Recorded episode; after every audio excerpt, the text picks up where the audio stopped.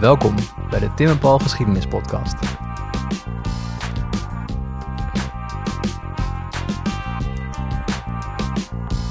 Oranje gaat naar Holland om zijn graf te vinden. Maar Tim, eh, dat laat nog heel even op zich wachten, want via verschillende wendingen verandert het leven van Oranje wederom drastisch. En in deel 2 van het tweeluik over Willem de Zwijger praten we met René van Stipriaan over de ontplooiing van de berooide Duitse prins tot de vader des vaderlands.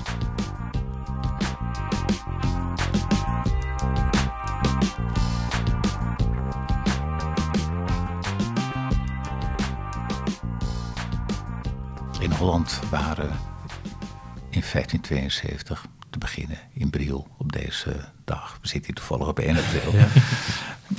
Is geen- geen toeval. eh, dat is geen toeval. Ehm, maar in de Briel eh, eh, nou ja, vond een overval plaats door, eh, door de watergeuzen. Dat stadje werd vrij gemakkelijk ingenomen. En nou, normaal gesproken zou het zijn geplunderd en platgebrand. Maar werd op het laatste moment besloten om, om er gewoon een soort foothold in, in Holland van te maken. En dat kwam op een heel goed moment, omdat er nogal wat steden op dat ogenblik geneigd waren om ook de zijde van de opstand eh, te kiezen. Om al die redenen, het zij geloof, het zij Ja. belasting, het zij wat ook, eh, die ik eerder noemde. En ehm, ja, dat, eh, dat speelt Oranje ja, misschien voor hemzelf ook onverwacht eh, nogal in de kaart. Maar, hij- maar, hij- maar, maar die watergeuzen waren een soort van... Dat stond helemaal los van de inspanningen van Willem van Oranje. Dat was... Of...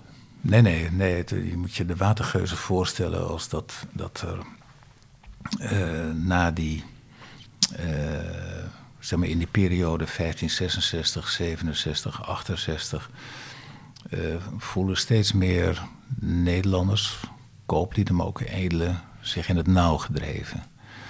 En eh, ja, wat, wat op dat ogenblik een mogelijke eh, alternatieve levenswijze is, is enerzijds vluchten en in het buitenland opnieuw iets beginnen. Of eh, proberen eh, met zeeroverij op vijandelijke schepen je, je onderhoud te voorzien en wellicht ook een bijdrage te leveren aan het herwinnen van je eigen positie in de Hmm. Nederlanden. Dus er lopen nogal wat eh, eh, voorheen protestants of, enigszins opstandige edelen mee op, in die scheepsbemanningen. En nou ja, dat, ja, eh, zeeroverij, dat, dat is kennelijk ook, heeft ook iets verslavends in de zin dat die mannen die, die doen dat en die, eh, die, die, die, die sprek- trekken een spoor van terreur eh, over, de, over de Noordzee. En eh, gaan ook regelmatig aan land, want ze hebben toch ook voedsel en Ja. dat soort dingen nodig. Dus dan plunderen ze stadjes. En dat doen ze voornamelijk in, in, in, in die hele strook. Groningen, Friesland, Holland, Ja. Zeeland. Eh, dus ze bouwen een hele slechte naam op. Maar Oranje ziet ook wel dat, dat ze ook behoorlijk wat afbreuk doen aan de Spaanse belangen. Eh, hij probeert met ze in contact te komen, dat lukt ook. En hij probeert die watergeuzen enigszins eh, te disciplineren. Ook dat lukt, maar niet zoals als hij het zelf zou willen. Paramilitaire Dus- organisatie. Ja, ja, ja, zeker, ja. En deze watergeuzen, dus een zootje ongeregeld dat, eh, dat eh, eh, Oranje probeert aan te lijnen, blijkt wel degelijk in staat om op het moment dat Holland, wat, en met Zeeland ook tegelijkertijd, wat begint te kantelen. Dus waar het verzet tegen, tegen het bewind van Alfa Ja. echt zuurstof begint te krijgen. Weet hij ook die watergeuzen, maar ja, blijft een ongedisciplineerde groep, maar hij kan ze goed gebruiken. En hij past ze ook steeds beter in, in iets wat het, ja, wat achteraf wel genoemd is, het begin van een soort Nederlandse marine. Hm. En ehm, nou ja, eh, eh, die, die, die zeemacht, die, eh, die heeft hem ook buitengewoon eh, geholpen om dat met al die zeeroverijen, want die ging ook in de tijd dat Oranje zich daar over ontfermde, gewoon door. het was ook een, een, onderdeel van, van de krijgsmacht die, die redelijk zichzelf kon bedruipen. Dus dat, dat, dat voordeel zat er ook bij. Dus die watergeuzen hebben wel degelijk ook een hele grote, en, nou ja, wil niet zeggen beslissende rol gespeeld, maar zonder die watergeuzen was het heel, was het heel anders ja. uh, gelopen. Ja. Dus, dus hij zit dan in, uh, in Holland, in Den Haag? Waar, waar gaat hij naartoe? Nou ja, hij, hij, is, een, hij is een man die uh, overal en nergens woont. Dus hij, hij trekt rond. we zien hem af en toe een tijdje in Den Haag zitten. ook al in Delft na enige tijd. En uh, hij trekt ook regelmatig naar Zeeland. Hmm. En uh, hij, is, hij, is, een, ja, hij is een voortdurend rondreizend uh, aanvoerder. En in die hoedanigheid verbindt hij eigenlijk ook alle, alle lijntjes in Holland en Zeeland op dat ogenblik. Dat we zeggen, er is, er is wel een soort gewestelijke vergadering, de Staten van Holland. Maar dat zijn toch, dat is toch ook een optelsom van allerlei particuliere belangen. Die, hmm. die, die steden die, die praten daar namens zichzelf en veel minder namens een algemeen belang. Dus dat vertegenwoordigt Oranje. En Oranje is degene die van alles en nog wat aan elkaar probeert eh, te knopen. En dat blijkt ook zijn grote kracht te zijn. Dat hij in staat is om iets als een gewestelijk bestuur, dagelijks gewestelijk bestuur te organiseren. Dat doet hij in, in Holland, dat doet hij in Zeeland. En uh, daarmee, omdat dat een personele unie is in zijn geval, hij slaagt er ook in om die twee gewesten redelijk goed met elkaar te laten samenwerken. Ondanks het feit dat die ook gewend zijn met elkaar te concurreren. Ja, ja. Dus uh, hij is in staat om, om te verbinden. Echt de diplomatiek en de, het soort van het, leiderschap, charisma. En, en blijft hij zich dan stadhouder noemen eigenlijk? Want die stadhouderterm die blijft toch eigenlijk in de hele 17e, 18e eeuw in de republiek een soort entiteit. Ja, ja, ja dus dat, uh, er wordt gedaan alsof dat stadhouderschap van, uh, van Oranje, dat is daadwerkelijk ook afgenomen ja. door, door, door Philips. Uh, toen, toen hij eh, door eh, Alfa voor de Raad van Beroerd eh, werd gebracht en dus bij verstek werd veroordeeld. Ja. Bij de al dergelijke titels die, waren, die bestonden niet meer. Nee. Maar als in 1572, 73 die, die opstand wel degelijk in geografische zin betekenis begint te krijgen. En Holland en Zeeland grotendeels in het kamp van Oranje terechtkomen neemt Oranje zijn stadhouderlijke allure weer aan. Ja, dus hij voelt zich weer helemaal... Ja, de, ja. maar, maar de manier waarop Oranje op dat ogenblik moet worden ingepast... want ja, je bent stadhouder namens de koning. Ja, ja die, iets heel zots toch dat, eigenlijk. Ja, dat, dat, dat, blijft, dat blijft uh, iets uh, onhandigs uh, houden... en dat blijft het tot het, tot het einde van de republiek... In, in, aan het einde van de 18e eeuw dus we, hebben nooit een uitgewogen uh, staatsinrichting gekregen in die tijd. We hebben ja, stadhouder namens wie? Ja, namens zichzelf. Ja, plaatsvervanger. Op een gegeven moment dan natuurlijk de, de, term aan zich wordt, wordt de nieuwe functie, zeg maar. Ja. Maar dan, ja. ja.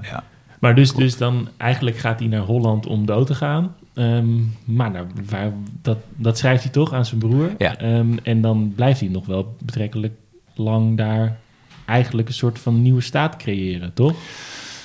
Uh, ja, nou ja, kijk, dan, dan uh, hebben we eerst een, een enigszins rommelige, maar heroïsche fase van, uh, van ja, de bevrijding van Holland, Zeeland.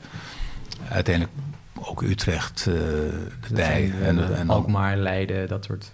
Precies, ja. en dan krijg je al die belegeringen door, door, door de Spanjaarden die, die proberen uh, de, nou ja, iets van het verloren terrein weer terug te winnen. Dat gaat heel moeizaam. Dat lukt eigenlijk niet. Hmm.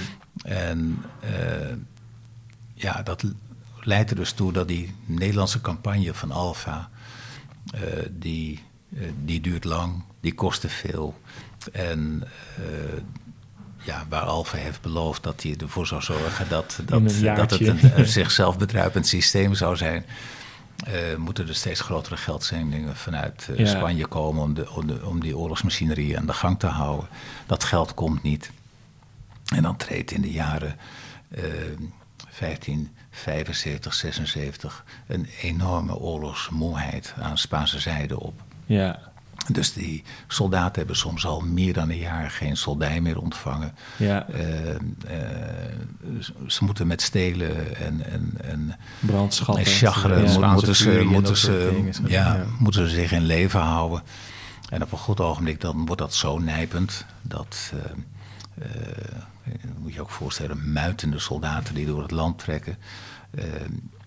het, binnen zo'n binnen zo'n leger is dat dat fenomeen van die wanbetaling is algemeen. Mm De besluiten over we gaan muiten, die worden ook collectief genomen. Ja. Uh, en wat, wat je dan in 1576 ziet gebeuren, uh, is dat uh, het leger, het, het Spaanse leger, wel degelijk allerlei successen boekt. Maar op het moment dat ze een grote overwinning bereiken, met name in Zierikzee, dat op de knieën wordt gedwongen, dan uh, gaan ze uh, ertoe over om collectief uh, hun eigen soldij te innen, te, ja. te, te innen door, door steden binnen te vallen en ja, de bevolking daar te, te, beroven, te verkrachten en alles wat erbij hoort. Het is een gruwel. En dat loopt erg hoog op op het moment dat in, in Antwerpen de Spanjaarden tekeer gaan en daar de hele boel plunderen maar ook erg veel mensen over de kling jagen. Mm. De schattingen lopen uiteen van uh, enkele honderden tot uh, vele duizenden die daar uh, okay. zijn doodgemaakt in de straten van Antwerpen. ik denk dat dat laatste overigens wel redelijk dicht in de buurt zit. Het moet om mm. duizenden personen zijn gegaan. Ehm, dan ge gebeurt iets wat, wat vind ik het politieke genie van Willem van Oranje bewijst. Oranje lijkt hier heel goed op te hebben geanticipeerd. Hij is met allerlei gewesten in de Nederlanden overeengekomen dat ze, een, uh, dat ze gaan eisen bij de Spaanse koning dat de Spaanse troepen worden teruggetrokken. Ze moeten het land uit. Want ze richten zoveel zeker veel kwaad aan. En op het moment dat, uh, dat eerst Aalst en daarna Antwerpen wordt geplunderd... Uh, en, en, de gevolgen daarvan zo desastreus zijn... Uh, is ook iedereen ervan overtuigd dat dit moet gebeuren. Ja. En dit leidt binnen een paar dagen na de enorme plundering van Antwerpen... tot de pacificatie van Gent. Hm. Die pacificatie van Gent die houdt dus in uh, de eis dat die Spaanse troepen het land uit moeten. Maar houdt ook in van wij als uh, gewesten, wij gaan uh, voorlopig onszelf regeren. En dat is wat gebeurt, wat een, een revolutionair moment is in de Nederlandse geschiedenis. En Oranje heeft weliswaar helemaal geen zeggenschap in het meeste, de meeste gewesten. ja. Maar ontwikkelt zich ook in de maanden erna tot iets als een informele leider van, uh, van al die gewesten. En dit is wel ja, uh, het hoogtepunt, denk ik, in uh, de loopbaan van, ja. van Oranje. Dat is ook het moment waarop hij zich in, uh, in Brussel laat inhalen en mensen, oh, ja.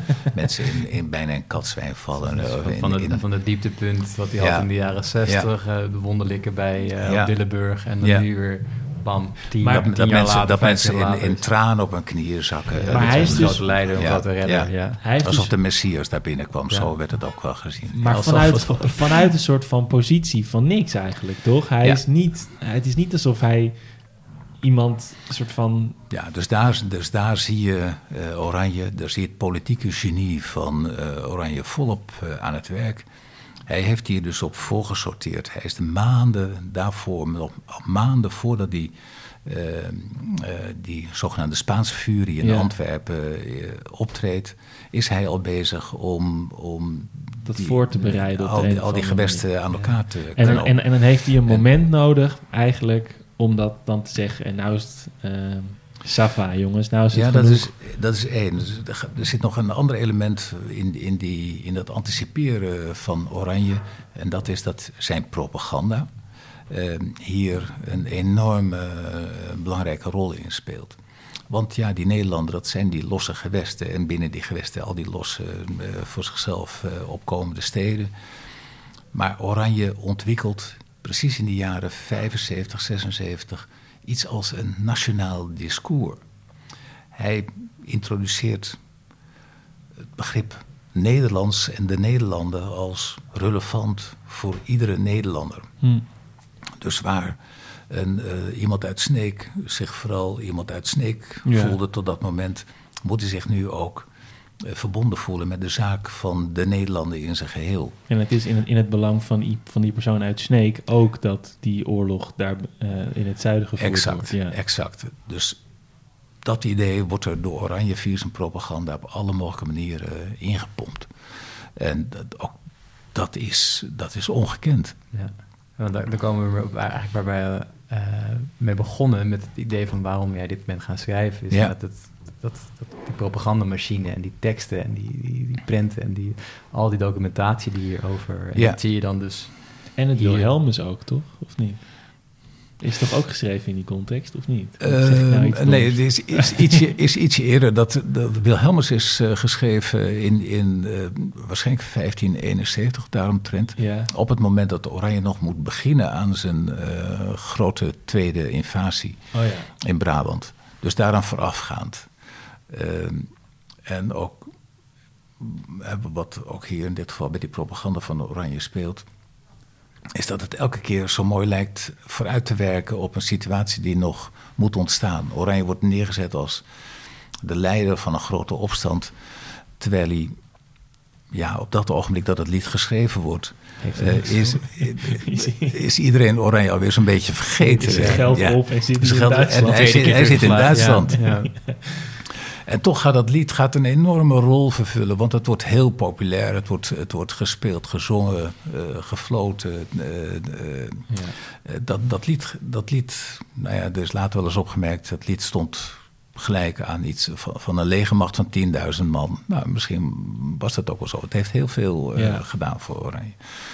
En iets soortgelijks zie je ook gebeuren dan bij, de, bij dat erin pompen van dat vaderlandse idee het, het, leek op het moment dat Oranje eraan begon niet zo relevant. Maar op het moment dat, dat in het eind 1576 eh, de, de, de, het ongenoegen over die eh, Spaanse soldaten zo hoog oploopt, ja, blijkt het precies het frame te zijn waarin de Nederlanders, bij wijze van spreken, kunnen eh, aan, kunnen afmeten waar, waar, eh, wat hun te doen staat. Hm. Namelijk het uh, vaderland verdedigen. Hm. Oh, wauw. Ja. Uh, ik kijk naar de klok, Paul. Dat is mijn vaste quote. We zijn nu niet een uur aan het praten, maar al bijna anderhalf uur. On onbeschoft lang uh, ja, je tijd aan het opnemen. Ja, nee, um, Um, misschien is het nog wel even goed dat we het nog even over, over de moord hebben. Want dat is misschien wel de meest bekende quote uit de Nederlandse geschiedenis. Ik heb hem nu half paraat in mijn achterhoofd. Is het, oh, heb medelijden met mijn volk. Arme volk. ja, dan met volk. Uh, mon, mon, Dieu, mon Dieu, ai pitié de moi et de ce pauvre peuple. Oh, ja. Dus uh, mijn God, mijn God, hebt erbarmen met mij en met dit arme volk. Heeft hij dat echt gezegd, denk je? Ja, dus, daar, heb ik, daar, heb ik, eh, daar heb ik een paar bladzijden aan gewijd, aan die laatste woorden. Uh, mijn stelling is dat, uh, uh, dat hij ze wellicht niet gezegd heeft, maar wel heeft willen zeggen. wat is daar de achtergrond van? Ik geloof niet zozeer dat hij op het moment dat hij de twee kogels van Balthasar Gerards in zijn lijf kreeg, opeens bedacht ik moet ook nog een goede tekst voor de nageslacht hebben. Een eindquote hebben. ja. ja. Uh, daar is die, die zin ook te, bijna te ingewikkeld te en goed, bedacht voor. En ik, ik, ik, kom uit op het volgende. Kijk, Oranje wist vanaf 1580, 1581 dat er kogels op hem lagen te wachten. Hmm. er was door Philips II een banedict tegen hem uitgesproken. en de, een moordenaar kon een hele hoge beloning tegemoet zien. En Oranje wist dat daar uh, allerlei individuen natuurlijk voor. ja. En uh, uh, dus Oranje heeft zich kunnen voorbereiden op zijn, op zijn plotselinge dood. En ik vermoed dat het ongeveer het volgende gebeurd is.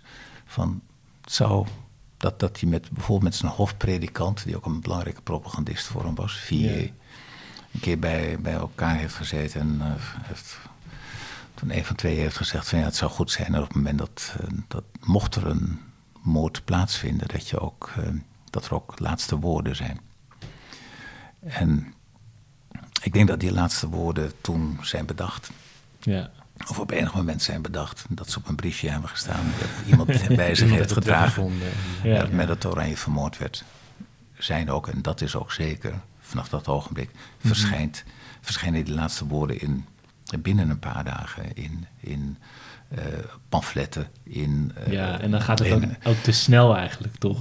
Ja, het ligt al klaar, zo'n ja. beetje. Ja, ja, ja. Het is, het, dus ik denk dat het enigszins uh, gescript was. Ja. Nou, er zoals al veel meer dingen bij Oranje niet spontaan gebeuren, maar wel degelijk ja, dat er al ver van tevoren over is nagedacht. moeten we dat ook bij die laatste woorden vermoeden. Oké.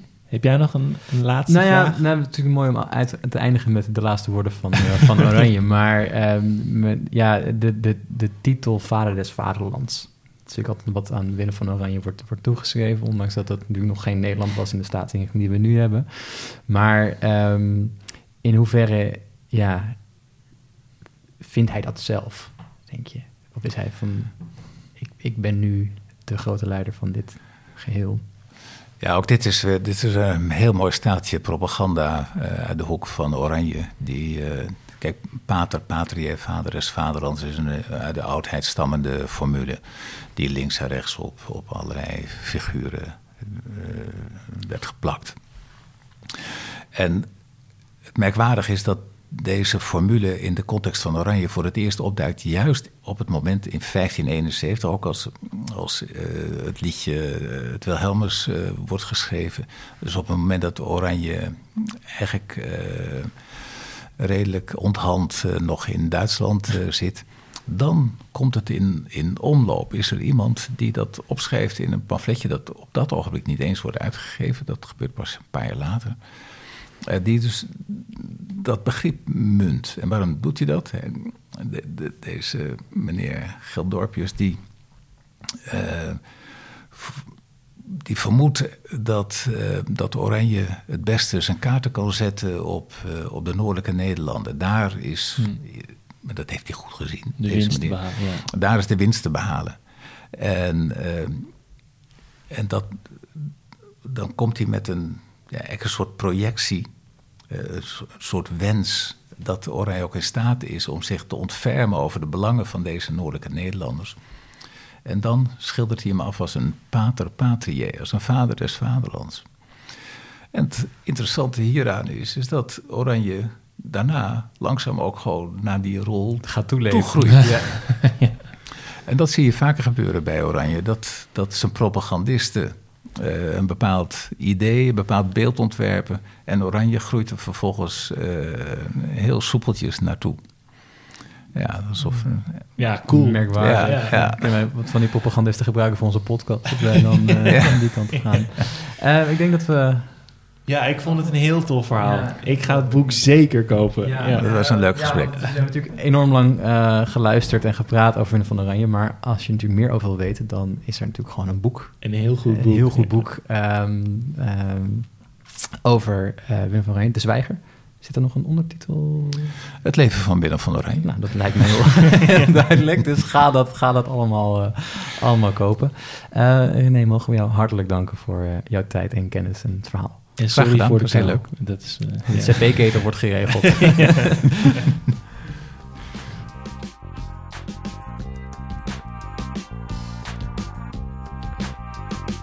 Je luisterde naar de Tim en Paul Geschiedenis Podcast. Een onafhankelijke podcast van Tim Streefkerk en Paul de Jong. Met muziek van Mart Jenninga. Vond je dit nou een interessant verhaal? Laat dan een recensie achter. Dat wordt zeer gewaardeerd.